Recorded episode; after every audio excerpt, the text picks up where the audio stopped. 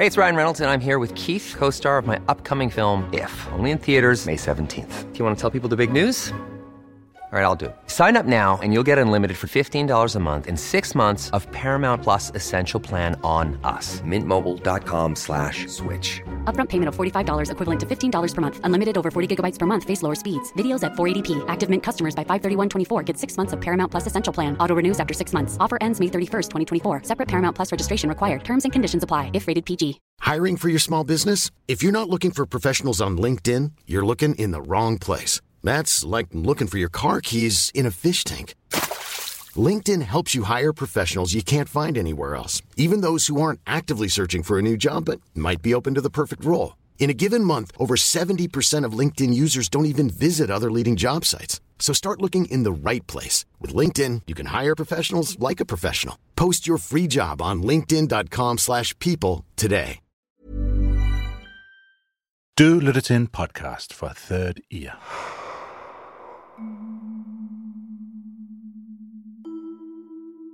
Du kan abonnere på Third Ears podcast. Du kan få lov til at betale for at høre på os. Hvis du betaler, kan du høre alt, hvad vi laver, før dine venner. Men du slipper også for reklamer og afbrydelser i din podcast. Find ud af, hvordan du abonnerer på 30.dk.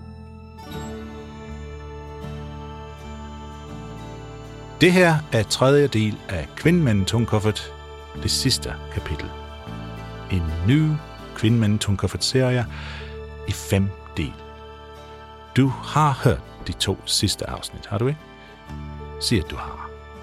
Ellers bliver du simpelthen nødt til at stoppe lige her og gå tilbage til start.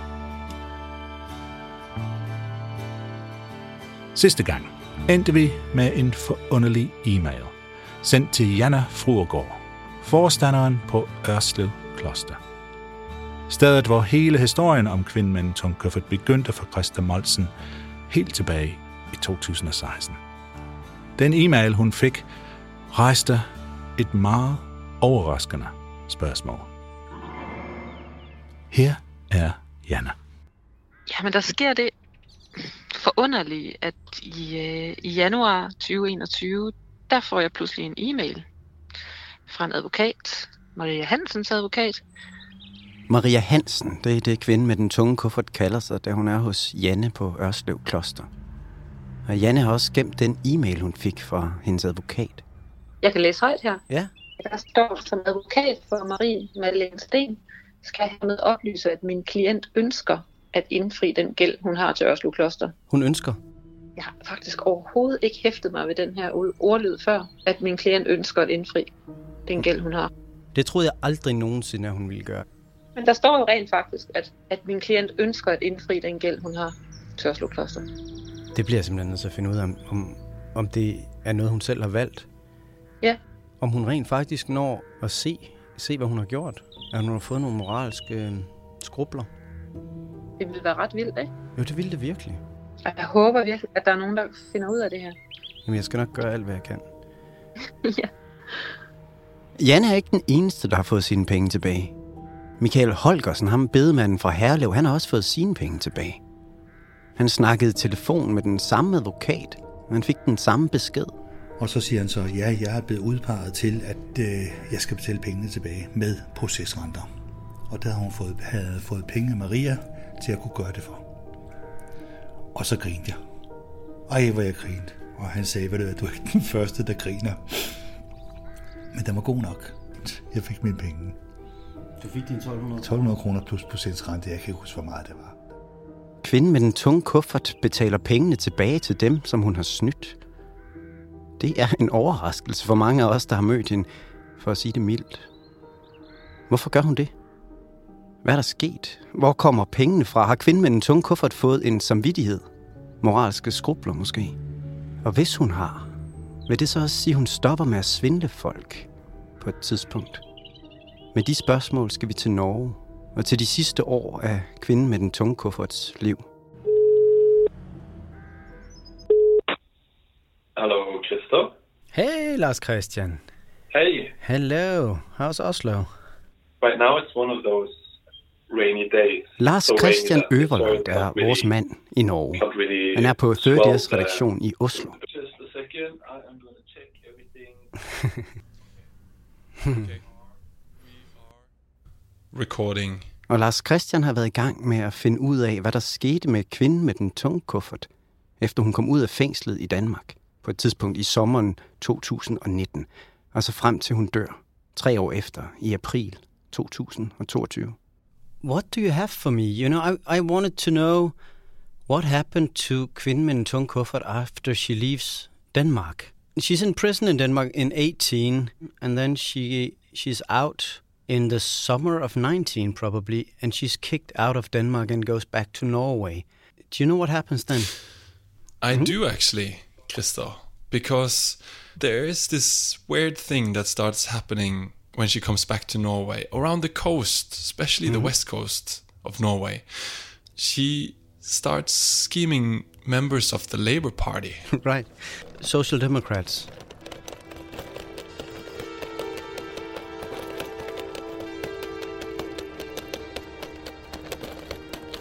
There's one that kind of stands out a little bit to me. It's this young guy on uh, the west coast. His name is Torbjörn Væreide, and at this point he's a member of the Labour Party, but he's also working for uh, LO, union. LO. It's the same in Danish, ja. Der er i hvert fald ikke noget, der tyder på, at Marie Madeleine Sten har fået samvittighedskvaler, eller at hun har ændret adfærd, da hun kommer hjem til Norge i sommeren 2019. Det er den gode gamle Marie Madeleine Sten, som vi kender hende.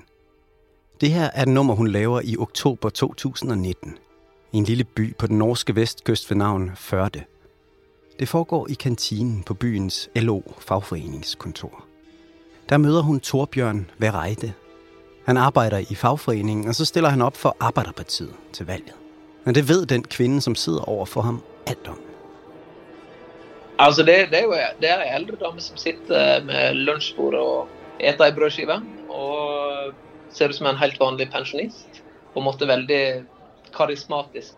Det hun forteller, det er at uh, hun har kreft. En ting som er veldig sånn viktig for denne historien, er jo at uh, hun nevner navnene på personer jeg kjenner eh, både i, i politikken og utenfor politikken. Det virker som om, hun kender flere af Torbjørns partifælder godt. Og hun kender også til Torbjørns hjertesag i politik. Nemlig flere ressourcer og flere ansatte på sygehusene i Norge. prøver å fokusere aller mest på, det er på en måte hvorfor det, det må bli flere ansatte og større ressurser i eh, sykehusene våre. Marie, som hun kalder sig her, har selv en grim historie at fortælle om hendes sidste møde med det norske sygehusvæsen. Og hun har eh, falt om. Eh, Hun bare svimer av pga. kreften, antageligvis. I går besvimede Marie midt på gaden på grund af kraften, og hun blev kørt med ambulance til det nærmeste sygehus og indlagt. Men allerede næste dag, altså i dag, blev hun udskrevet og sendt på gaden igen, selvom hun slet ikke føler, at hun er klar til det.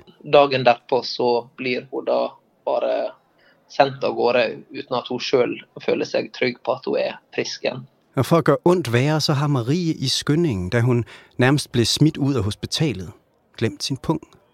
Hun nevner jo da som en bare en bisetning eh, underveis i samtalen at eh, pengene ble igjen, eh, men hun har fått ettersendt denne her eh, store kofferten som hun har ved sin side. Den store rullekuffert har hospitalet sendt efter hende, men pungen, den ligger stadigvæk derinde et sted.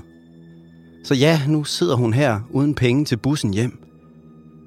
Torbjørn får ondt af hende, det er klart. Kan ikke med, med, med god samvittighet eh, sende av gårde ei kreftsyk dame, ei eldre dame eh, ut døra uten at hun har penger til bussbilletten. Så tenker jeg at jeg tar ut 500 kroner. Han låner hende 500 kroner og aftaler, at hun skal komme tilbage med dem, når hun har fået sin pung igen.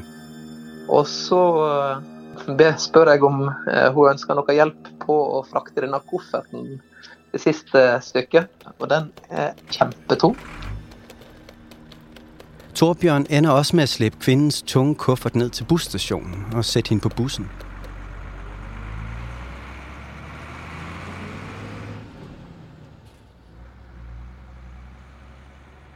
Is that the same suitcase that I know, do you think? I can't confirm that, but I think so. It's quite heavy. So she certainly has had it for long enough to, to fill it up with a, a lot of, yeah, stuff from her life. Do you have other social democrats she fooled? There's a lot of these stories, actually, especially if you go a little bit back in time to 2015. That summer, there was a communal election in Norway. Yeah. And then she went around. It seems like she's gone from Oslo and all the way around the coast to the southern tip in- of Norway. Like following the, just following the campaign or what? Yeah, following the election, constantly fooling members of the Labour Party. Right. Okay, so she's been studying this. Oh, she knows it inside out. She can name other politicians that she knows. She knows their field of work. She she knows a lot about it, and she's a member of the Labour Party herself. So she's fluent in social democratic uh, kind of lingo in Norway. Definitely, yes, definitely. Just like she was in Denmark with priests. That she she spoke priest language fluently in Denmark. Yeah, no, exactly. Yeah, And only social democrats?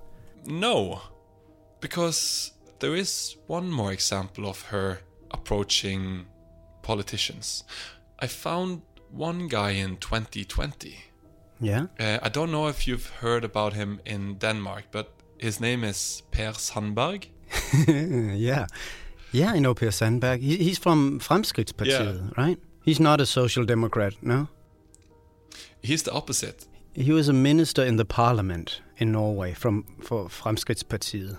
And then he kind of cheated on his wife with a very beautiful young Iran, Iranian woman, a lot younger than him. She was Miss Iran 2013, and she was even ranked number two in Miss Top of the World 2013.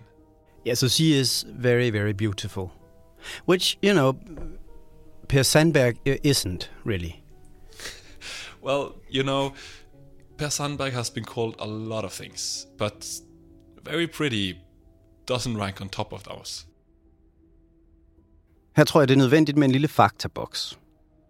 Det norske Fremskridtsparti minder meget om Dansk Folkeparti i Danmark. De sad i regeringen fra 2015 til 2018, og det er der en hel del saftige skandaler forbundet med. Men min absolute yndlingsskandale, det er den, der handler om fiskeriministeren Per Sandberg. Per Sandberg er næstformand i det norske Fremskridtsparti på det her tidspunkt. Det vil sige, at han er lige så kendt som Christian Thulesen Dahl eller Morten Messerschmidt herhjemme. Per Sandberg har en affære med en meget, meget smuk iransk kvinde, der er 25 år yngre end han selv er. Hun hedder Bahara Letnes. De to tager på en hemmelig ferie til Iran, som Pers kone ikke ved noget om, men Pers store problem, det er, at han har heller ikke fortalt noget om det til sine kollegaer i den norske regering. Da det kommer frem, at Per Sandberg har været på noget, der ligner et officielt statsbesøg med sin elskerinde i al hemmelighed, så begynder pressen naturlig nok at stille kritiske spørgsmål. Og der bliver også spekuleret en masse i pressen, i hvert fald i den danske presse, om hvem Bahare egentlig er. Om hun kunne være spion i den iranske efterretningstjeneste, om hun kunne være en honey trap sat op for at forføre Per Sandberg. Alt det er kun spekulation i medierne, men turen til Iran er nok til, at Per Sandberg må gå af som minister. Alt det er selvfølgelig en kæmpe sag i de norske medier, som alle følger med i. Også kvinden med den tunge kuffert. After he had to leave his post as a, a minister of fisheries in Norway, he ended up buying a bar in Halden, Right. which he is running together with Bahara. Actually, it was her that wanted him to buy the bar. Oh, so they're still together. They're still together. Yes. Ah. They, they seem quite in love, to be honest. That's cute. Right. Okay, so they're still a couple, and they're running. They're they're running a bar. Ja. Her er baren. Her er barn. Her er også en Chesterfield-stil.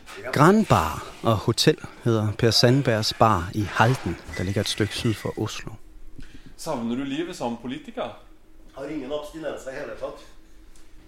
Og en sommerdag i 2020, der kommer kvinden med den tunge kuffert, trækkende med kufferten ind på Per Sandbergs bar. Hun er kraftsyg, og hun halter på grund af en nyligt overstået hofteoperation.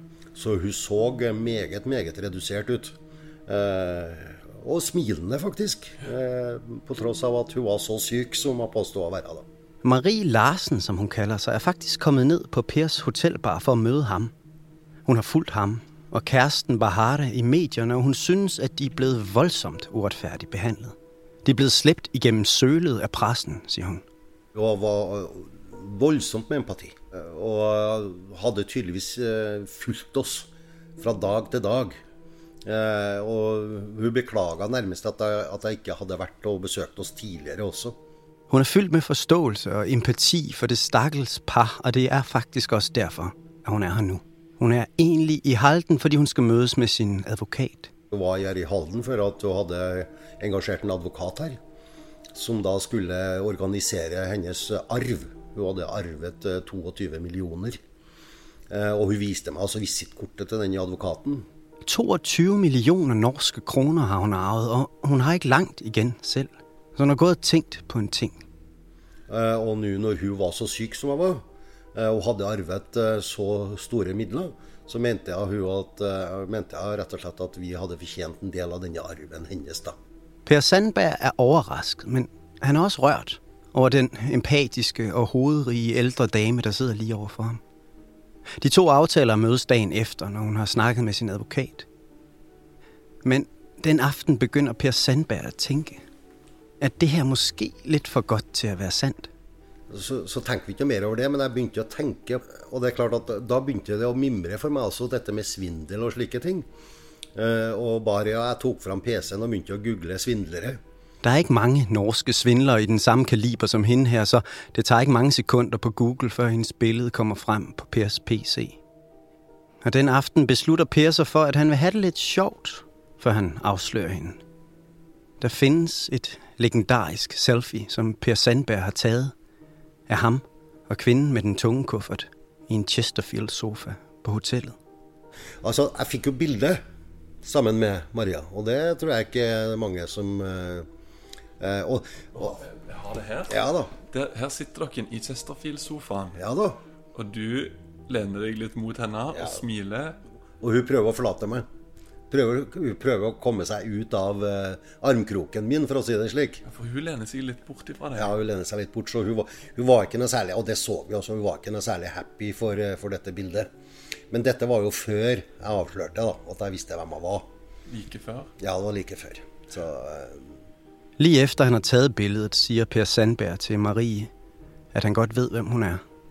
Han siger, at han kender hendes mellemnavn, som hun ellers ikke har brugt hos ham. For hun, hadde, hun brukte ikke mellomnavnet sitt.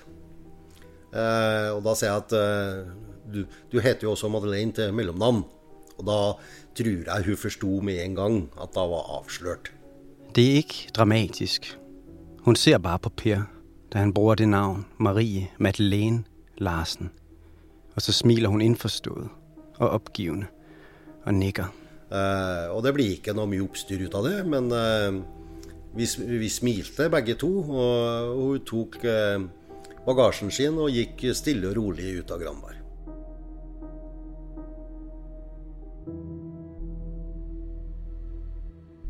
And this is the summer of 2020, right? Yeah. She walks out the door with her suitcase, and then what happens? That is kind of the funny thing here because I was talking to people in the little town, and one guy told me that his son works on the train and she did fool a woman on the train out of Halden. Right. But after that, I can't find any other stories of her tricking people. Really? And it's the same here because um, you know I've been getting emails and texts and phone calls from people who's been fooled by her ever since the series came out, and there are at least a handful every year but I don't have anything on her after 2020 either. So no one has oh, called. Oh, really? Yeah. It's it's so it stops in your end as well. It stops in 2020 here as well. Why why do you think that is? I mean, one thing that happens around that time is that corona hits Norway, right? if you're a con man in, in lockdown, that's horrible. Everything's closed. You can't get close to anyone. You have to wear the stupid mouthpiece. There's no hotels open. The bars are closed. Uh, yeah, it must be horrible, actually. Not only is it incredibly difficult for her to work, but makes me think about like what happened to me and the people I know is that in those situations you're a lot on your own hmm. at home. You kind of meet yourself in the door, right? Yeah, you start And- thinking, don't you? Yeah, Yeah. About you, Uh, your life and who you are, and yeah. And it makes me wonder who did she meet in the door? Jeg ved ikke, hvem kvinden med den tunge kuffert mødte i døren under corona-lockdown. Jeg ved ikke engang, hvilken dør hun boede bag i det sidste halve år af 2020. Men jeg har fundet ud af, at der sker noget andet for hende lige der omkring, som måske kan være med til at forklare, hvorfor hun stopper med sine svindelnumre. Og hvorfor hun ikke begynder igen, da samfundet åbner op efter corona. Det lykkedes mig at få fat i den advokat, som Janne fra Ørslev Kloster fik en mail fra. Ja, hej. Han hedder Simon Haug. Ja, jeg ringer for at høre... Jeg snakker med hende her, Janne Fruergaard fra Ørslev Kloster. Ikke? Ja. Og hun har fået en mail fra dig i januar 2021. Og så stussede Janne og jeg over en formulering i den mail. Den, den drejer sig om, at Marie Madeleine Sten, hun ønsker at betale de penge tilbage, som hun skylder hende. Ja. Og der står, at min klient ønsker at betale de her penge tilbage. Ja. Altså, er det rigtigt? Ønskede hun at gøre det? Ja, det er rigtigt. Det er en rigtig formulering, og det var det, der, der var tale om. Altså, det var, det var ikke, fordi hun var tvunget til at gøre det, at hun betalte de penge tilbage. Øh, nej, der var i hvert fald ikke nogen, der øh, havde bedt om at få pengene eller havde presset hende til at betale. Det, som jeg ikke vidste, og det, som Janne eller nogle af de andre, der har fået deres penge tilbage, de ikke vidste, det er, at kvinden med den tunge kuffert, hun behøvede faktisk ikke at betale de penge tilbage, som hun skyldte dem, selvom hun er dømt til at betale dem tilbage i retten. I 2018, da hun fik sin dom i Danmark, der havde hun ikke penge til at betale dem tilbage. Så det skete ikke dengang. Og derefter er det altså op til hver enkelt af dem, der er blevet snydt, at inddrive de penge, som hun skylder dem. Det kan de gøre gennem en advokat, eller ved at hive kvinden med den tunge kuffert i fodretten. Men det er der altså ikke nogen af dem, der har gjort. Vi gætter, at de, fl- de fleste har tænkt, okay, fint nok, nu er dømt. Det er alligevel ikke så mange penge, så vi gider ikke. Vi får alligevel nok aldrig de penge, så vi gør ikke mere ved det. Og jeg tænker, det er derfor, at, at flere, og det ved jeg, at, er blevet overrasket over, at de lige pludselig har fået sådan en henvendelse fra mig, for nu har jeg jo talt med dem alle sammen hjemme, at de skulle oplyse kontonummer, så jeg kunne overføre penge til dem. Ikke? Det vil altså sige, at det er helt rigtigt, når Marie Madeleine Stens advokat siger, at hun ønsker at betale de penge tilbage.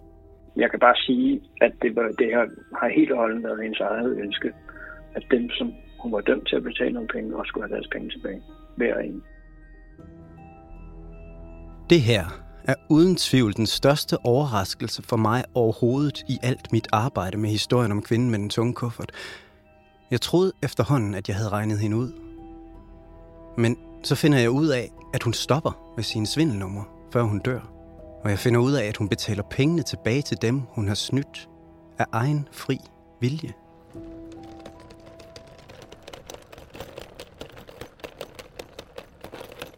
Du ved, Janne fra Ørslev Kloster, jeg kan bare huske, da jeg lavede det første interview med hende, så, så sagde Janne, øh, at hun må da holde op en dag, og så sagde jeg, det tror jeg aldrig, hun gør, før hun dør.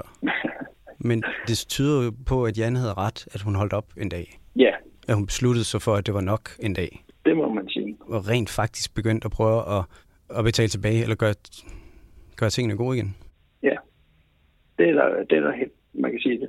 Det er der sådan rent faktisk helt klart noget, der tyder på. Men så er det næste spørgsmål, hvorfor venter hun? Hvorfor betaler hun først tilbage, hvad hun skylder her i starten af året 2021? Hvad er der sket i hendes liv? Ved du, hvor de penge kommer fra? Øh, ja, det ved jeg ikke om. Og de er lovligt tilvejebragt. Det er ikke, det er ikke et andet svindelnummer. Nej, det ved jeg positivt ikke om. Men du vil ikke fortælle mig, hvor de kommer fra. Nej, det kan jeg ikke sige. Kan du fortælle mig, om det er nogen, hun har haft altid? Øh, det er det ikke. Okay. Det er nogen, hun er kommet til. På et tidspunkt i slutningen af 2020, der er kvinden med den tunge kuffert altså kommet til penge. Jeg ved ikke, hvor mange, og jeg ved ikke, hvordan. En arv vil nok være mit bedste bud. Og det er nok også på grund af de penge, at hun for første gang, jeg nogensinde har hørt om, får råd til en lejlighed at bo i. It's actually a bit fascinating because the last place she lived, uh, and she lived there for six months, it's called uh, Kashotten. like, like a prison. Well, that's actually what it used to be back in the day. It was an old prison for women. But, but not anymore. Now it is like short term rent of apartments. Yeah, and it's these old brick buildings. Actually, they look like a combination of a ministry and an old prison. I went there and I spoke to the people. Har, har du sett henne? Men eh, har du sett meg her? Nei, Ok. det har jeg ikke. Bare i Bare i avisene. Bare i avisen. Og da i eh, media. Hun bodde her i, i seks måneder. Ja, jeg har se- sett bilder. Du har sett bilder av henne, ja? Ja. Uh, Eh, har du hilst på henne her? Nei. The other fascinating thing is that the owners say that she paid her rent for six months. Really? And it, it's not cheap. You can't get a room for under 1500 kroner a night. A And night? some of them are. Yeah, so and some of them are more expensive.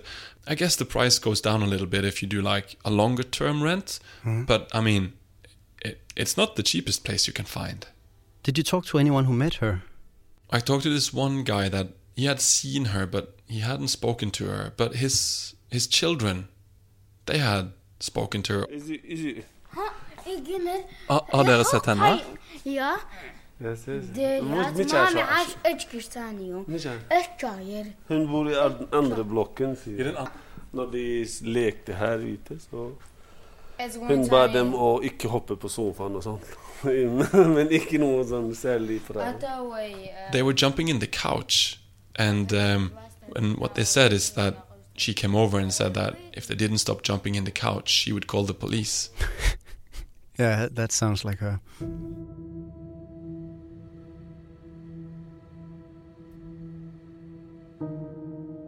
Marie Madeleine Sten blev fundet død i sin hotellejlighed lidt uden for Oslo den 20. april i år, 2022. Men først over en måned efter, den 30. maj, der kommer historien i medierne. Det er først der, politiet i Norge sender en pressemeddelelse ud, hvor der står, at hun er død af naturlige årsager. Jeg går ud fra, at de har brugt den tid på at undersøge sagen for at være sikker på, at hun er død af naturlige årsager. And they went two weeks from she was last seen until she was found. And she was found alone in her room at the fourth floor in the apartment block. There is no indication of anyone being close to her. No one knew her.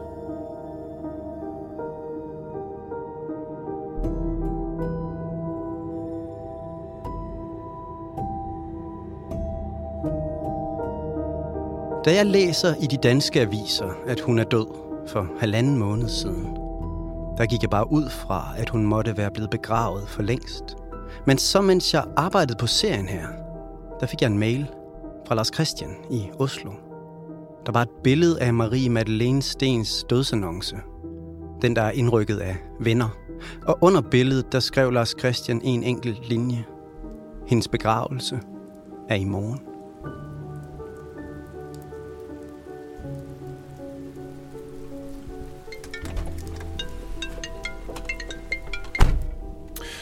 Hallo, Christer. Hi, Lars Christian. Where are you? I'm uh, outside Oslo, a small place called Skjetten. Where are you going?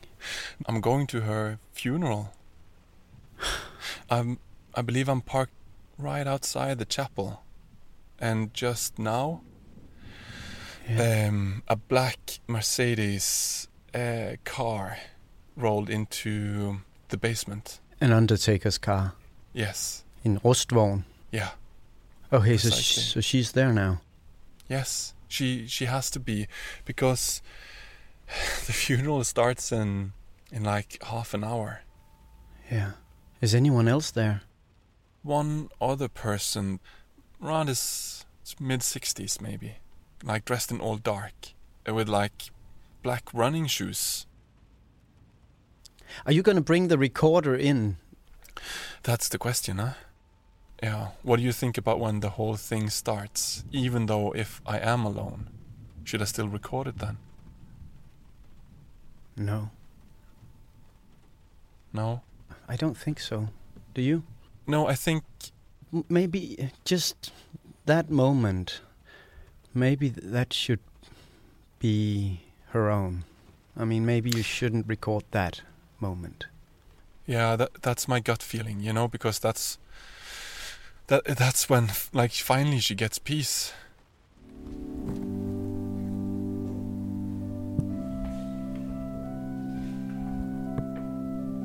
Lars Christian lader sin båndoptager køre, mens han går ind i kapellet.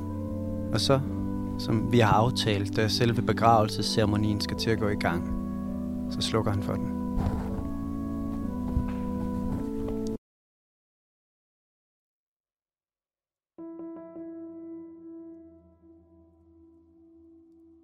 Det er en lang time på redaktionen den eftermiddag, men så ringer Lars Christian tilbage. Hallo? Hey, Krista. Hey, Lars Christian. Take me through it. What happened? She's buried in a plain, white, minimum type of wooden casket. Kisten, der står midt på gulvet i kapellet, er langt fra de mahoni-kister, hun har haft bestilt før i tiden. One of those standardized that the municipality use when they pay for funerals. The cheap one. Yes, the cheap one. Mm. De gange hun har arrangeret sin egen eller søns falske begravelse, der har hun bestilt den dyreste kiste. Men det er ikke sådan en, hun har fået i dag. And just like ten roses across the coffin. No rings or hearts or messages or anything. Præstens tale er simpel og kort. Selv efter alle de lange, dybe samtaler, Marie Madeleine har haft med præster over hele Danmark og i Norge, så har præsten i kapellet til hendes begravelse ikke ret meget at sige. What he said was that I don't know a lot about her, except from the things written about her in the media. And then he draw this parallel that we can all wear masks, but in this instance, he had n- no idea of the face behind the masks. Yeah. But then he said one more thing, and that was that she betrayed the trust that was shown to her. And then, of course, he said that God forgives. That that was the goodbye speech. Der er fire mennesker i rummet til hendes begravelse. Præsten, Lars Christian, og så to andre.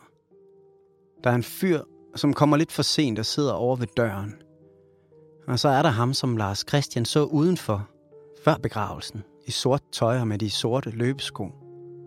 Og da ceremonien er slut, er det tid til at finde ud af, hvem de er. When the funeral was over, I went over to talk to the two other guys that came in. Mm. And the last guy that entered the funeral, he was also from the funeral service. And the old guy in the black running shoes, Yeah.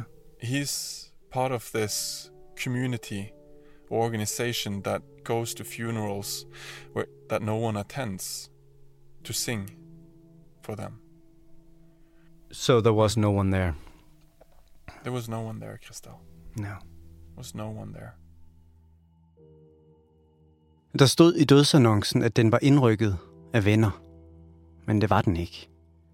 Det er bare noget, der står i Norge, når dødsannoncen er indrykket af det offentlige.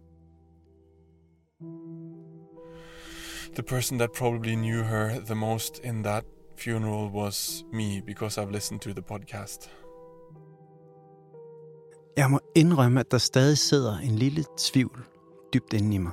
Jeg har hørt om kvinden med den tunge kufferts død mindst 10 gange før.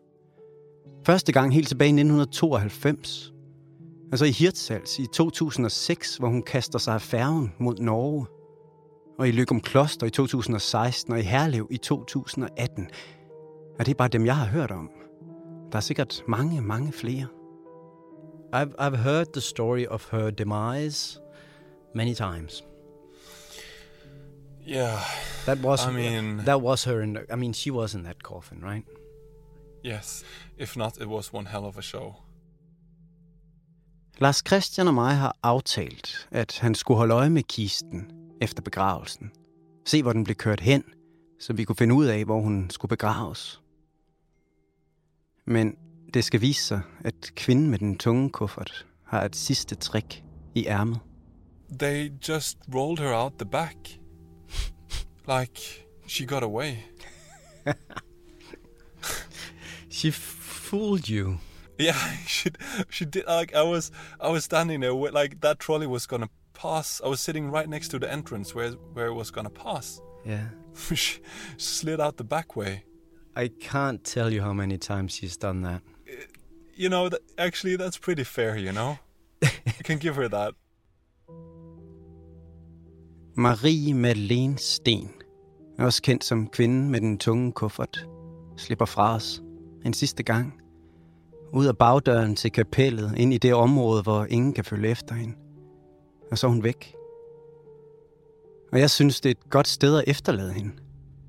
Med det aller sidste forsvindingsnummer.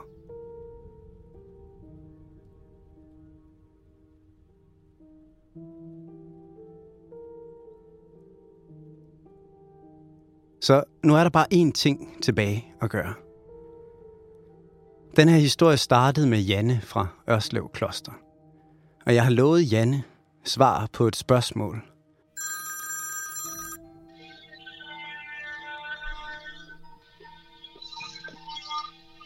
Hallo, det er Christer. Hej, hej det er Janne. Hej. Og jeg, kunne, jeg ved ikke, hvorfor jeg ikke lige helt fangede den. Nå, Der var du. jeg går. Der var jeg, ja. Hvor er du? Jeg er på klosteret. Okay, klar. Skal jeg sætte mig ned? Ja, det, det tror jeg faktisk, du skal.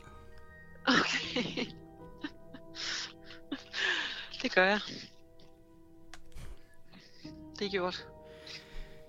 Kan, øh, kan du huske, vi snakkede om, at, at jeg skulle finde ud af en ting for dig, og, som, som handlede om, om, øh, om hun ønskede at betale de penge tilbage til dig, eller, Ja. om, eller om hun Ja. var tvunget til at betale de penge tilbage til dig. Ja. Altså, hun ønskede at betale de penge tilbage til dig. Åh, oh, hvor fint. Og hvor vildt, var. Ja, det er ret vildt. Okay, det... så var den god nok. Den er god nok. Der er ikke nogen, der tvinger hende til at betale de penge tilbage til dig. Det glæder mig. Ikke, ikke fordi pengene er kommet, det er selvfølgelig fint for foreningens drift, men øh, det får mig jo til at tænke, at hun har en anden form for samvittighed. Hmm. Og nogle følelser. Jeg synes, det er fint, ikke? Det er som om, der kommer noget refleksion ind her på de sidste dage. Eller i den sidste tid. Ja. Som klæder hende. Bestemt. ja. Ah, hvor vildt.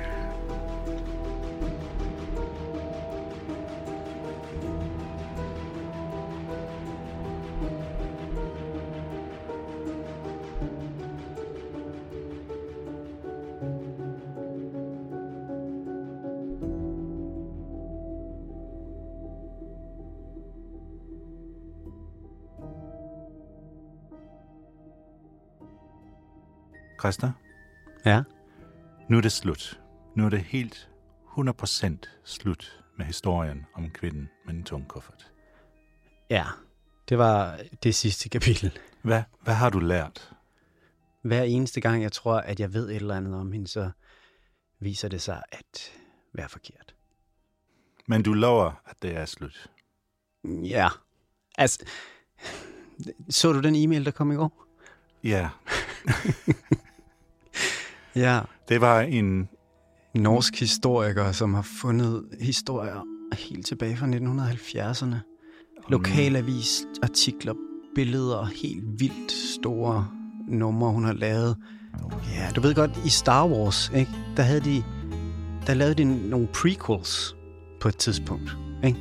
Eller Marvel Origins hedder det. Altså, historien, der kom før den historie, vi har hørt, så Historien, som kom før den historie. Oh my.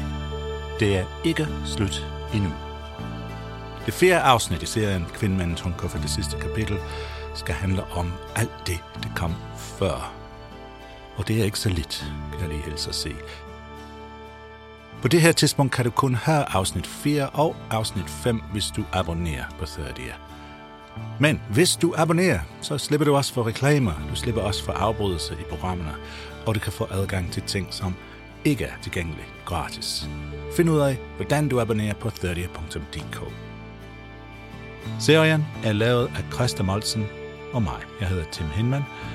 Vi har fået en masse hjælp fra Lars Christian Øverland, Frederik Nielborg og Anna Tavlov her på 30's redaktion. Og husk nu, hvis du kan lide, hvad du har hørt, så send det endelig videre.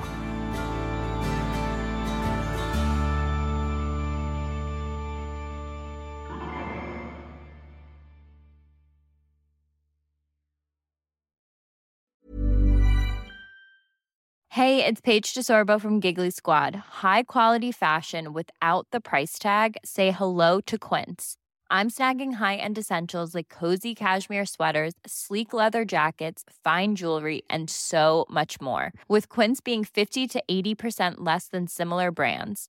And they partner with factories that prioritize safe, ethical, and responsible manufacturing. I love that. Luxury quality within reach. Go to quince.com slash style to get free shipping and 365 day returns on your next order. Quince.com slash style.